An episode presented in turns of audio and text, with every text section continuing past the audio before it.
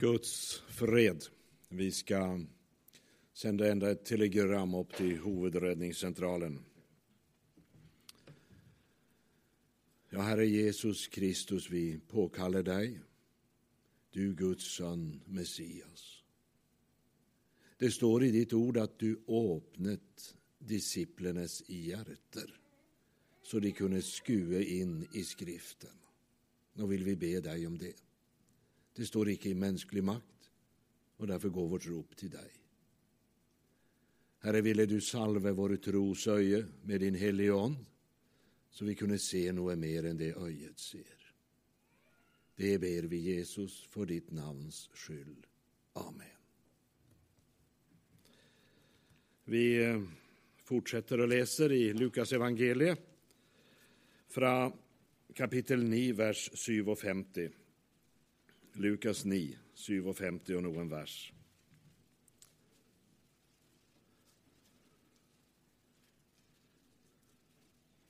Mens de gick vidare på vägen sa en till ham, Jag vill följa dig var du så går. Jesus sa till ham, Revene har hulor, himmelens fugler har reder, men människosönnen har icke det han kan hälla sitt hode till. Men till en annen sa han, följ mig. Han sa, Herre, la mig först få lov till att gå bort och begrava min far. Men Jesus sa till ham, la de döde begrave sina döde. Gå du av sted och förkynn Guds rike. Det var också en annen som sa, jag vill följa dig, Herre, men la mig först få lov att säga farväl till dem där hemma. Men Jesus sa till ham, ingen som lägger handen sin på plogen och ser sig tillbaka är skicket för Guds rike. Amen. Texten begynner alltså med att berätta att det kommer en och säger till ham, Herre, jag vill följa dig, var du så går hen.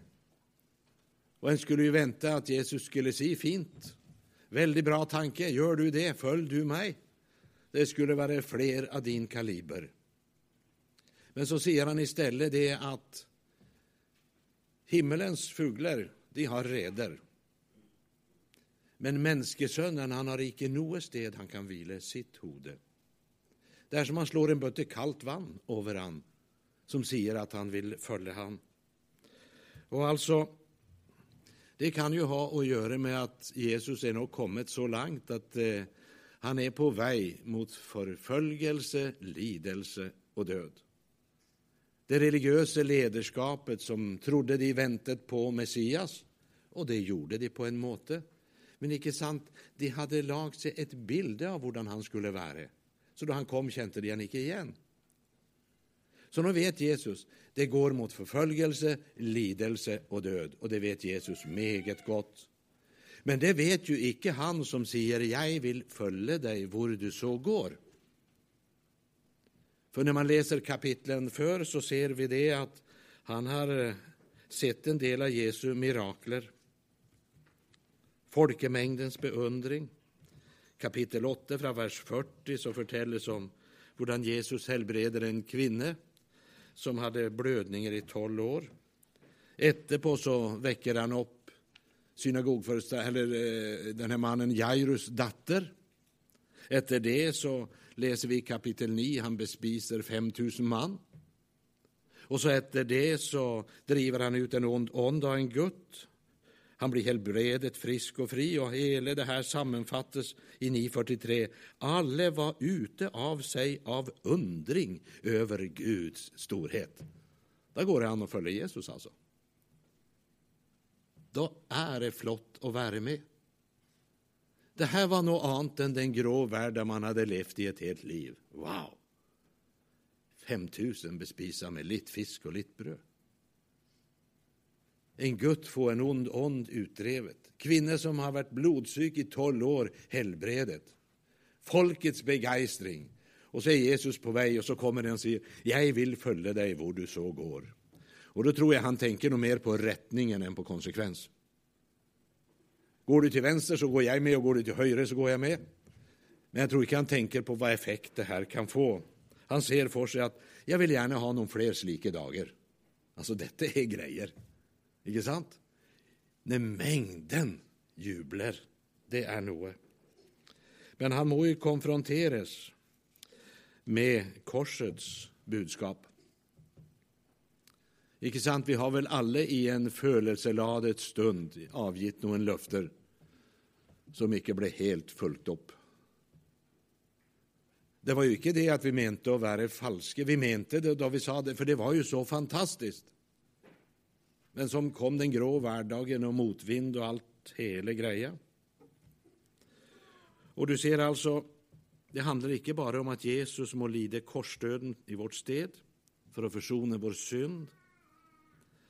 Men det handlar också om det faktum att han säger, hvis någon vill följa efter mig, då må han var dag ta sitt kors upp och följa mig. Alltså, idag så förkynner vi Jesus som om att eh, han är till för att hjälpa mig. Vill du ha ett behagligt liv, vill du ha det grejt så ska du komma till Jesus och få ordna tinga. Du ska ha en Gud som, som hjälper dig och om han inte hjälper dig, vad ska du då med Gud till? Jag hade inte varit frälst så många år förrän eh, jag måste säga, den första månaden jag var frälst visste jag inte vad en fristelse var. Jag fick en sån där brudetid och jag tror jag tänk, trängte det på grund av min bakgrund och min uppväxt och alla sår i livet. Jag trängte rätt och slätt lekdom och helbredelse från mycket ont. Så icke sant, för mig var livet den första månaden också så lätt. Och det var ju så fantastiskt efter allt jag hade varit igenom att vara fri. Icke sant? Kunde jag gå ner på politistation och säga, jag kommer aldrig tillbaka mer. Ja, men den har vi ju hört förr, sa han. Ja, så, men det är en ny variant nu. Tömmermannen från Nasaret har frälst min tomme och fattige själ. Så rödmade de i kapp. Det var inte flöve för att arrestera och hålla rättssak, men när jag sa Jesus hade frälst mig, då blev det flöve. Ja, livet lyste. Så icke sant, så när jag mötte en kristen som icke smilte från öre till öre så trodde jag icke han var riktigt frälst. För det var ju så härligt att vara frälst. Ja. Och så var det någon som snackade om anfäktelse och tungt att läsa Guds ord. Jag tänkte, käre, de har ju inte mött Jesus. Och så läste jag i Bibeln då att gläd dig i Herren alltid och det passar mig väldigt gott för det syns jag jag gjorde. Icke sant? Och jag mente ju att tjäna Gud men jag var ju helt på villespår. Jag gick runt och slog folk i hodet med gläd dig i Herren och nåde dig visst du icke glädet dig alltså. Men Gud, han visste ju det att mitt i all min skröplighet och mitt armod så önsket jag att tjäna ham. Men det var ju på väg att icke göra. Så Gud, han förkastar oss icke när det går galt. Han korrigerar och förvandlar. Och, och jag trodde ju på det med allvar att jag glädet mig i Herren. Men jag glädet mig för jag hade fått det så mycket bättre. Jag glädet mig för allt som la sig till rätta. Jag glädet mig över yttre ting så begynte Gud att ta fram lite av det jag glädet mig i. Och så tog han lite till. Och så lite till. Och så syns jag han tog allt. Och livet gjorde ont. Var var Gud nu? Och jag, jag, jag hade lust att protestera mot Gud. Och så säger Gud, gläd dig i Herren. Ja, men käre Gud, du må inte driva gjön med en stackare som håller på att gå under. Gläd dig i Herren, sa Herren. Och jag protesterade och sa, ja men vad har jag att glädja mig över? Nej, sa Gud, du har visst ingenting du. Du har visst bara mig. Men var det icke mig du skulle glädja dig i? Ja. Jag må Se det att jag har grått mer efter att jag blev frälst än förr. Livet blev inte riktigt sånt som jag trodde den dagen jag utvandrat från Egypt. Det var en örken längs vägen. Jo, jag har grått mer efter att jag blev frälst än förr. Men jag bytte det bort. För jag idag äger något som jag icke ägde som nyomvänt, nämligen den fred som övergår all förstånd och som icke är avhängig av yttre omständigheter. Gleden som är där också när tårarna ränner för det sitter lite djupare. Ja, Gud är god. Du känner när Gud begynte att plocka i mitt liv, och det gjorde ont så hade jag en broder jag gick till och skulle utösa mitt hjärta och så hade jag väntat att han skulle dunka mig på skuldror och säga stackars dig, Kurt, det är väldigt synd på dig. För jag följde jag trängte lite sån. Och sa han, 'Ja, ska se Gud är god', sa han. Han kostar på fostring ändå på en sån som dig. Nu ska du gå hem och tacka Gud, sa han. Wow. Det är gott att ha goda sjelesorgere. Han var inte lika glad för mig, men han ville följa mig och leda mig in till ham som är livet. Jag har varit heldig där, skönner du. Kommit i beröring med folk som kände Jesus. Det är det är väldigt det. Det är ikke en selvfølge. Ikke sant? Disse som ikke bare snakket om Gud, men er et åndelig kraft til å sette meg i personlig forbindelse med Gud. Jeg har fått mye hjelp. Og så tenkte jeg når jeg leste om det her Jeg vil følge det hvor du går. Jeg følte det var sånn jeg starta. Men det gick ju inte länge förrän det inte blev som jeg hade tänkt. Alltså, Det är som jag tycker han möter den här mannen och säger... ja, ja, du vill följa mig. men käre vän, är du rede för ett liv hvor du icke har noen annen trygghet än Gud? Icke något mer.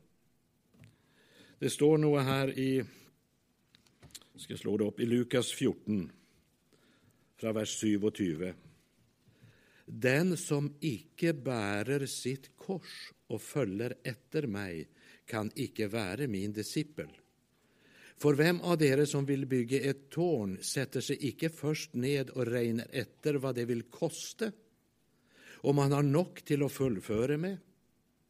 Ellers kan det hända att han får byggd grundmuren men icke är i stand till att fullföra. Da vil alle som ser det, begynne å spotte ham og si denne mannen begynte å bygge, men var ikke i stand til å fullføre.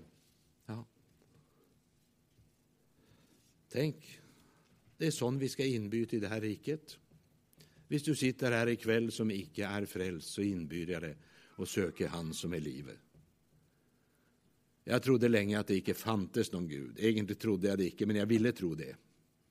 För hvis fantes, var ju livet Då var jag på fel sida, så att si. Så jag prövade först att förnekta att det var en Gud, men så, så trängte det på, för Gud har lagt evigheten i hjärtat. Ja. Och jag trodde att eh, när det gick upp för mig att Gud fantes, så trodde jag att räddningen var att hålla sig undan han, För han ville ju ödelägga livet mitt, icke sant? Jag hade ju förvrängt gudsbilder på grund av min delvis uppväxt. Ikke sant? Jeg har aldri sett far, og mor ville ikke ha meg. Og, og, så førtes det over til Gud på en måte at hvis jeg ikke presterte noe, så, så trodde jeg ikke at jeg kunne få være med. Men jeg fikk hjelp også der. Og Derfor sier jeg det at han er ikke en trussel mot livet. Han er livets forutsetning. Han er selve livet. Vi inbjuder dig, deg, hvis du ikke kjenner han, å komme og møte ham i kveld, for han er her. Men før du tar et sånt valg, sett deg ned og beregn omkostningen. Frelsen är fri, den är fullt utbetalt, men jag må vara ärlig mot å säga det kommer å koste dig absolut allt om du vill ta emot det. Det kostar för kött och blod. Och där sätter sjelefienden in och speiler allt du kommer till att tape. För sjelefienden har inte möjlighet att spejla allt du vinner. Ikke sant? Det är ju inte hela världen att miste ett kronestycke hvis man vinner en miljon. Det här är ett rike där det finns ingen ord som kan övergå det Gud gör i ett mänskligt liv. Du vet, I perioder var det virkelig mange som ville följa Jesus. Og noen ganger så ville de endog gjøre han til konge. Og Det er ikke så uvanlig, det er mye av det i dag, altså. Der man danser rundt gullkalven i Jesu navn. Bare kom til Jesus og bli rik og vakker og sterk. Bare kom til han, han skal fikse det alt. Bare tro nok, så skal du aldri ha problem med ekonomin. Alltså, det är märkligt. I min bibel står det att det är vanskligt för den som är rik, att komma in i himmelens rike. Och så ska jag bli undervist om hur jag ska be på ett rätt sätt så jag kan bli rik. Stämmer ju inte det. Man ville göra han till konge. Du känner, också i dag det väldigt många som vill göra Jesus till något annat än det han är. Så hvis någon säger, jag tror också på Jesus', fint, så jag vill du fortelle mig om honom? Fortell mig om din Jesus, om det är samma Jesus som jag följer. Alltså, när Jesus stod fram, de skulle göra han till konge. Då står Jesus fram, och så forteller han varför han är kommet. Han är kommet för att lida och dö, Han är kommet för att försona vår synd. Och den som inte tar del i mig har ingen del i mig. Och då säger de det att detta är hårda ord, vem står ut med att höra dem? Ja, Tänk, Han var populär en stund, och så när han berättar vad det egentligen handlar om, så vill de icke vara med. Av det vi kan läsa i Matteus 8, så skönner vi att han som sa jag vill följa dig var du så går', han var faktiskt en skriftlärd. Så han hade stor teoretisk kunskap om Gud men var totalt ukänt med vad det vill si och ta sitt kors upp och följa ham. Alltså, jag, jag måste säga att jag syns det är ont någon gånger. Här i västvärlden. Jag trivs faktiskt bäst i Östeuropa så länge det varer. Kommer väl snart där också. Men alltså, vi, vi har ju man skulle säga, skapat en markedstilpasset, kravlös kristendom som har svärt lite med de första apostlarna att göra. Den är billig, den är lättvind och den kräver icke mye för kjød och blod. Men det är ju heller ingen kraft och inget liv. Vi må inte bedra oss själva, vi må, må hjälpa en annan till nettopp detta efterföljelse. Vær klar av att det här livet det kräver försakelse. Men det är icke en prestation det är ett tillbud. Ja. Jeg hade varit frälst någon år, så mötte mig Jesus med dessa ord Omvänd dig, för himmelens rike är kommet när. Jag skjønte att nu nå, måtte det till en korrigering i mitt liv. Jag hade varit frälst i tre år, och nu, nu grep Jesus in för nu, nu begynte det att skli, inte sant? Omvänd dig, Så då prövade jag på det, då.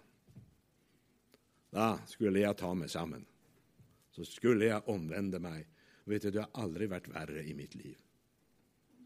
Det var ju nästan värre än förr jag blev frälst. Har icke Ismael lagat bråk förr, så lagar han bråk när Isak blir född. Och så prövade jag då och skulle ta mig, jag skulle omvända mig. Men att slåss med fejen, så blir du sort, alltså. Och så såg jag att jag är ju, jag är ju förtapt. Jag ville ju men jeg fikk det jo ikke til. Det var da jeg så det. Ja, ikke sant? Når Jesus møtte meg med 'omvend deg', så opplevde jeg det som et krav. For det passer for min falne natur. Men altså, når jeg da skjønte at det er jo akkurat det jeg ikke kan, da skjønte jeg at ordet om omvendelse er ikke et krav, men et tilbud om hjelp. Og så er bare spørsmålet trenger jeg den hjelpen, og vil jeg ha den. Han sier også noe her en at Alltså det är märkligt. Den ene han säger jag vill följa dig. Och så slår Jesus en bötte kallt vann i hodet på honom. Och så går han till näste man och så säger han till han följ mig. Va? Han, ja, han behandlar folk forskjellig, alltså. Heldigvis. Ja. För han visste att han tränger en utfodring. Han här sitter fast. Han här må ha en konkret utfodring och virkelig føle att jag kallar på han. Följ du mig. Jo, da, det skulle han göra, men han ville först gå hem och begrave sina döde. Och vi tänker lätt i vår västerländska kultur hvordan kan Jesus vara så hard? Fick han inte gå i sin fars begravelse før han begynte å følge ham? Jag tror inte faren var död. Jag tror inte det det handlar om. Kanske är han odelsgutt, vad vet jag. Men det som han säger, det att jag kan inte följa det nå. Du skjønner, Faren min är lite skrøpelig, och det är lite vanskelig hjemme. Og, men altså, senere, når mine foreldre har dött, då ska jag komma och, och följa dig. Så säger Jesus, la de döde begrave sina döde. Det vill säga alltså att Själv om du inte är född på ny, själv om du inte lever, så är det väldigt många ting du kan göra. Du kan driva ett gardsbruk, du kan eh, driva pölsebo, pølsebo, du kan köra taxi, du kan bli lite av vart. Det er ting du kan göra. Jag känner många hedningar som gör en väldigt god jobb och är ärliga människor. Ja då. Och så här det som Jesus säger att... dere är döda i överträdelser och synder, men dere är blivit vakt till liv.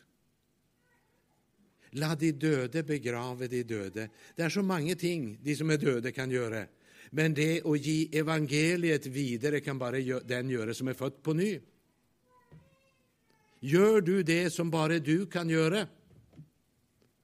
För det att du har fått se något och du är vidrörd av Gud? Ja, men säger du, jag har inte så lätt för att snacka. Nej, men det vet ju Gud, det är inte något problem för Han.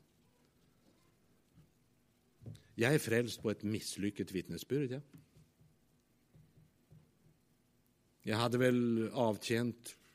Jag fick ju en dom på två år, men den blev omgjort till villkorlig dom, som det hette. Och det betyder att jag trängte inte att gå i fängsel. Jag kunde gå på jobb. Politiet kom två gånger i uka på jobben och checkade att jag uppförde mig.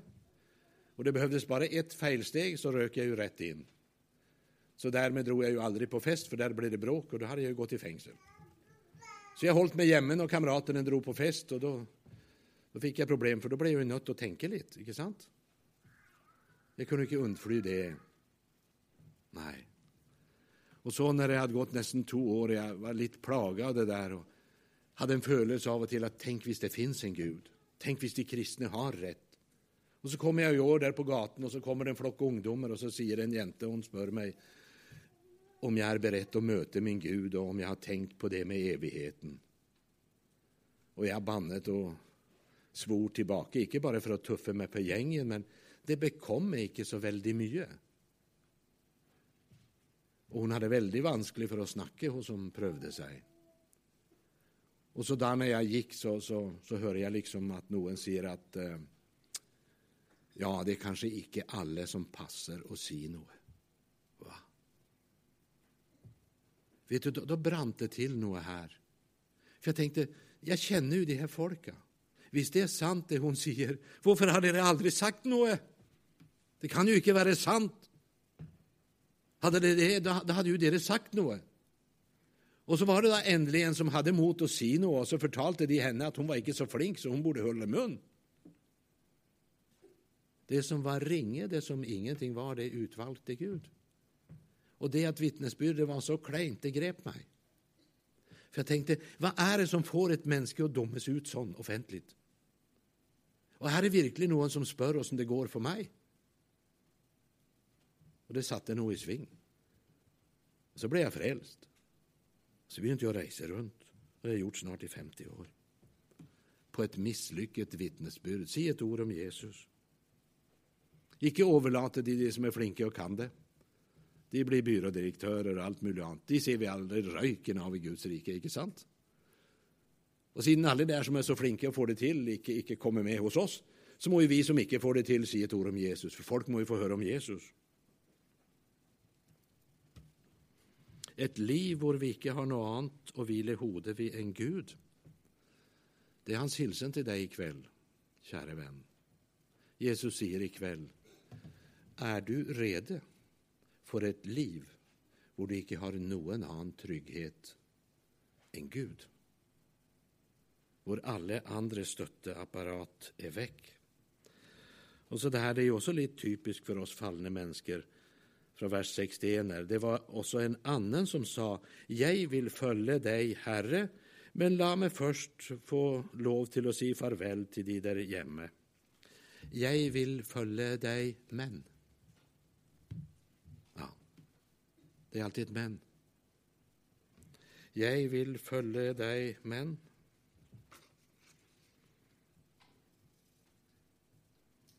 Jesus han visste åssen det var. La de döde begrava sina döde, sa han till en. Och till den här säger han att den som väl har satt handen till plogen, han ska icke snu om. Ingen säkerhetsnät. Någon sa till mig när jag begynte som pastor Noen gamla vänner sa ja, ja, det blir tre månader. det. Du är vant att tjäna så mycket pengar, du är vant att ha så mycket pengar och det, det var sant, det. Men alltså, det är märkligt, det att när du har fred i själen så är det så mycket du inte tränger. Det är det. Herren är min hyrde, jag savner ingenting. Det er mange som sikkert ville si det har gått dårlig med deg, Kurt. Du, du, har ikke det, og du har ikke det, og du har ikke det. Mulig det, sier jeg, men jeg savner ingenting. Og så skal jeg hjem, og det er ikke så langt igjen. Jeg er jo inne på siste veistumpen, ikke sant? For det var en som sa til meg Du skulle stille noen spørsmål til denne radiopredikanten, og så sa han ja, eh, kan du fortelle hvordan er det å leve i livets høst? Ja, så Det er litt vanskelig å svare på, for det er en stund siden jeg var der, sa jeg. Lever du icke i livets höst? Nej, da, säger jag, det är snö på taket och full vinter. Så du känner sig att jag går mot vår. Prise Gud. Ja, halleluja. Jag lever i livets vår. Ja. ska till hjärtebehandling i Danmark nu i höst, får se åssen det går. Inte går på ena eller andra måten, så lever jag i livets vår. Jag går mot blomningen och finalen. Ja. Morgondagen vad den rymmer, Ja, det vet ej du och jag, men det finns dock en som vet det, honom följer jag idag. Snart en morgondag ska randas, säkert gryr den inom kort. Evighetens morgon kommer, alla tårar torkas bort. Det är härligt att leva i livets vår. Det är inte bara, bara när kroppen brytes ner och strejker och håller på att säga det är dags för oljeskift. Men alltså, likeväl. Jag angrar inte på det valgen. Det jag angrar på, är min svikt. Det har inte varit lika helhjärta hela vägen. Det har varit så mycket som gick galt. Jag pleier å si det at den natten jag blev frälst, jag jag visste ju inte en gång åssen det gick till. Jag bara knelte där vid sängen och sa visst du finns, Gud, här är jag. Så jag fick lite hjälp efter på heldigvis, av folk. Men den natten blev det gitt två löfter. Jag lovade Gud att jag för alltid skulle höra Han till. Och han lovade mig att jag för alltid skulle få vara hans. Men nu har åren gått, och mitt löfte har icke alltid hållit stick. Det har icke det. Så nå har vi fått eh, uh, legge vekk løftet mitt, for det var liksom litt Det var ikke tilforlitelig. Så nå kjører vi videre på bare ett løfte, det er løftet Gud har gitt til meg, og det holder. Han har møtt min troløshet med sin trofasthet, og da kan jeg jo ikke vrake den. Jeg er korsfest med Kristus. Jeg lever ikke lenger selv, sier Skriften. I mai 2008 så talte jag i en metodistkyrka ett sted i Serbia. Och eh, Det var en vardagskväll. Det var en ganska formell gudstjänst. Det var ganska låst ritual, för att säga det sånn. Men det var likväl så fullt av liv. Och du skulle hört den sangen. En kväll mitt i uka i nästan fullsatt kyrka. Det var helt otroligt. Så efterpå när vi var uppe hos prästeparet så sade jag till den här brodern Sedenko är det väckelse här? Jag vet inte vad jag ska säga, sa han. Det är sån... en ny som läggs till menigheten cirka annan var månad, sa han. Ja. De hade elva nya det året. Fantastiskt, sa jag. Har det alltid varit sån? Nej, sa han, egentligen de tre sista år. För tre år sedan fick vi besök från Slovakia av en menighet.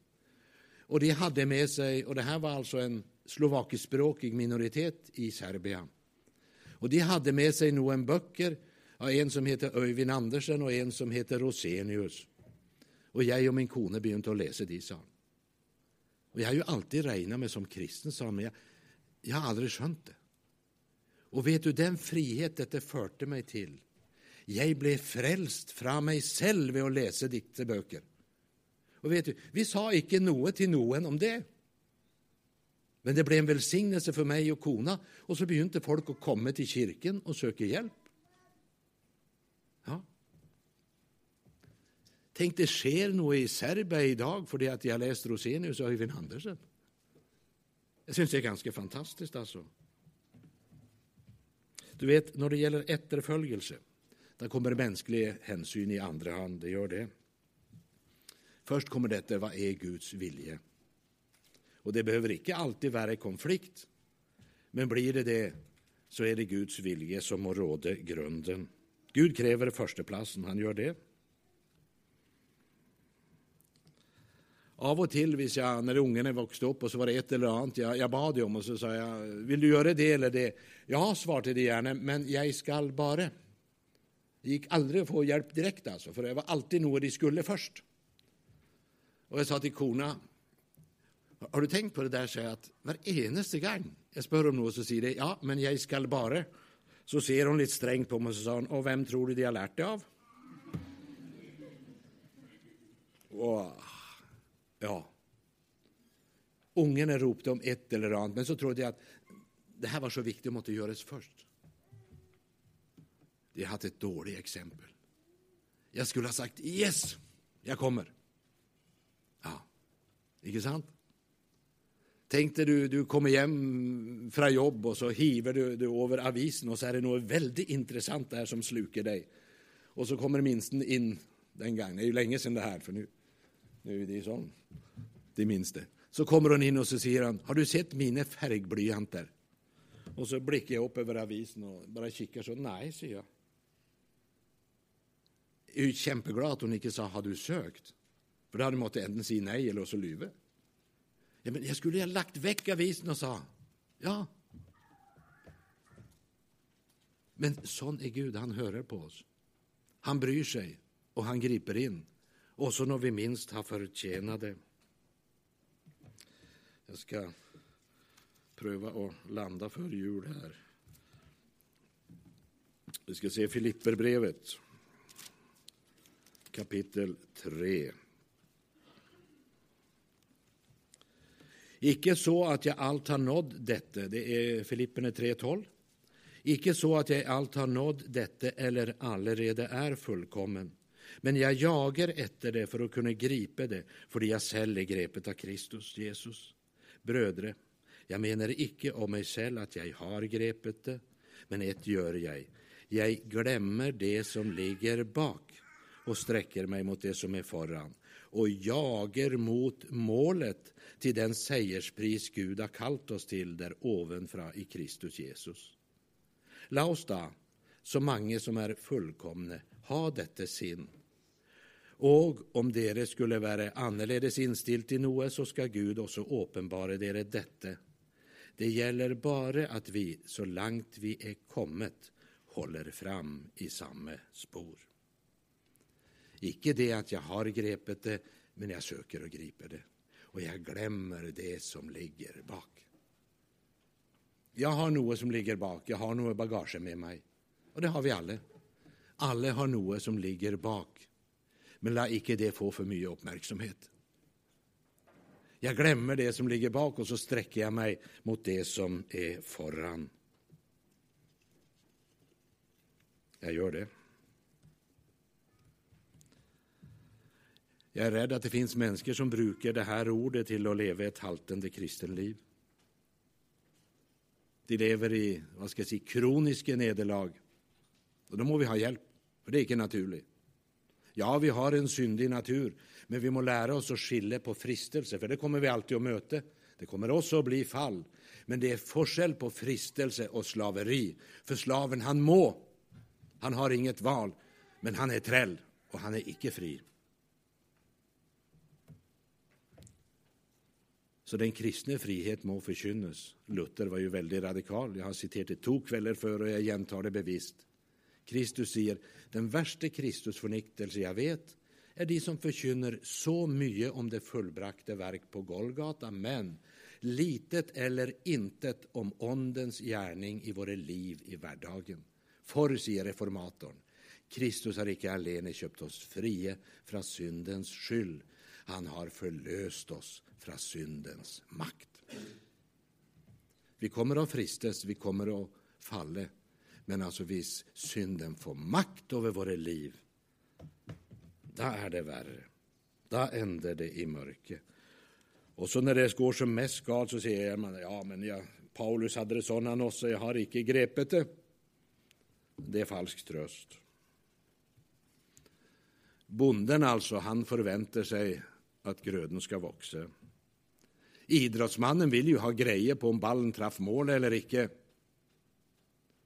Legen vill ju följa upp och se om medicinen virkar eller icke. Vi, vi, vi må vara öppna, alltså, och ha öppna ögon. Men husk att selvfordømmelse är aldrig vägen.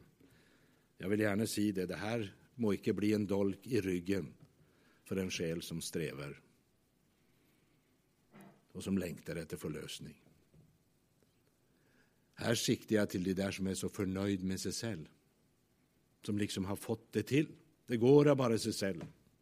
Det här är icke mynta på dig som sliter. För dig vill Jesus ta hand om. Hans väg gick mot Jerusalem, och korsdöden steg för steg. Och han valde den vägen oavsett om någon följde han eller icke. Så husk det att när han hängte där på korset, det må ju ha varit en fristelse När de stod där, hela den religiösa eliten, och sa Stig ner från korset, så vill vi tro. Det är ett märkligt vittnesbörd om en märklig tro. Men de sa det. Och hur lätt hade det inte varit att stiga ner? Ska skal Det var inte naglarna som hållit han fast. Det som hållit han fast, var hans kärlek till dig. För om han hade steget ner så hade ju de där nere visserligen fått en chock men det hade ikke vært noen frelse for deg. Da hadde han ikke kunnet tilby at du kan komme som du er. Men det har han tilbudt. La de døde begrave sine døde. Gå du og fortell om Jesus. Gjør det, min venn. Gi det videre, og du vet aldri när det slår rot. Hvis du hade sagt till jenta som vittnar för mig, väldigt gott att du sa något ikväll, så ville hon ha sagt det var helt bom. Helt feil. Det var en miss. Det kanskje gjorde bare saken verre. Det blei så dumt. Ja, men det var ikke det. Det bar frukt. Så du vet aldri Det er ikke alltid det er som det ser ut. Si et ord om Jesus. Og Husker du ikke noe annet for å preke i kveld, så husk det her. La de døde begrave sine døde. Og gå du og gjør det som bare de kan gjøre, som har forstått at de trenger Jesus. Morgondagen, vad den rymmer, ja, det vet ej du och jag. Men det finns dock en som vet det. Honom följer jag idag. Herre, vill du hjälpa oss som Guds folk och icke gå runt i en slags falsk ydmykhet och icke tävla om vem som är mest syndig och eländig? men si det ja, vi är syndare. Ja, det blev feil, men vi vill tacka dig som gav ditt liv och ditt blod för att betale och utslette alle våre synder, så vi står rettferdige for Gud. Herre, hjelp oss som ditt folk og din menighet och reise oss og proklamere ditt navn. Amen.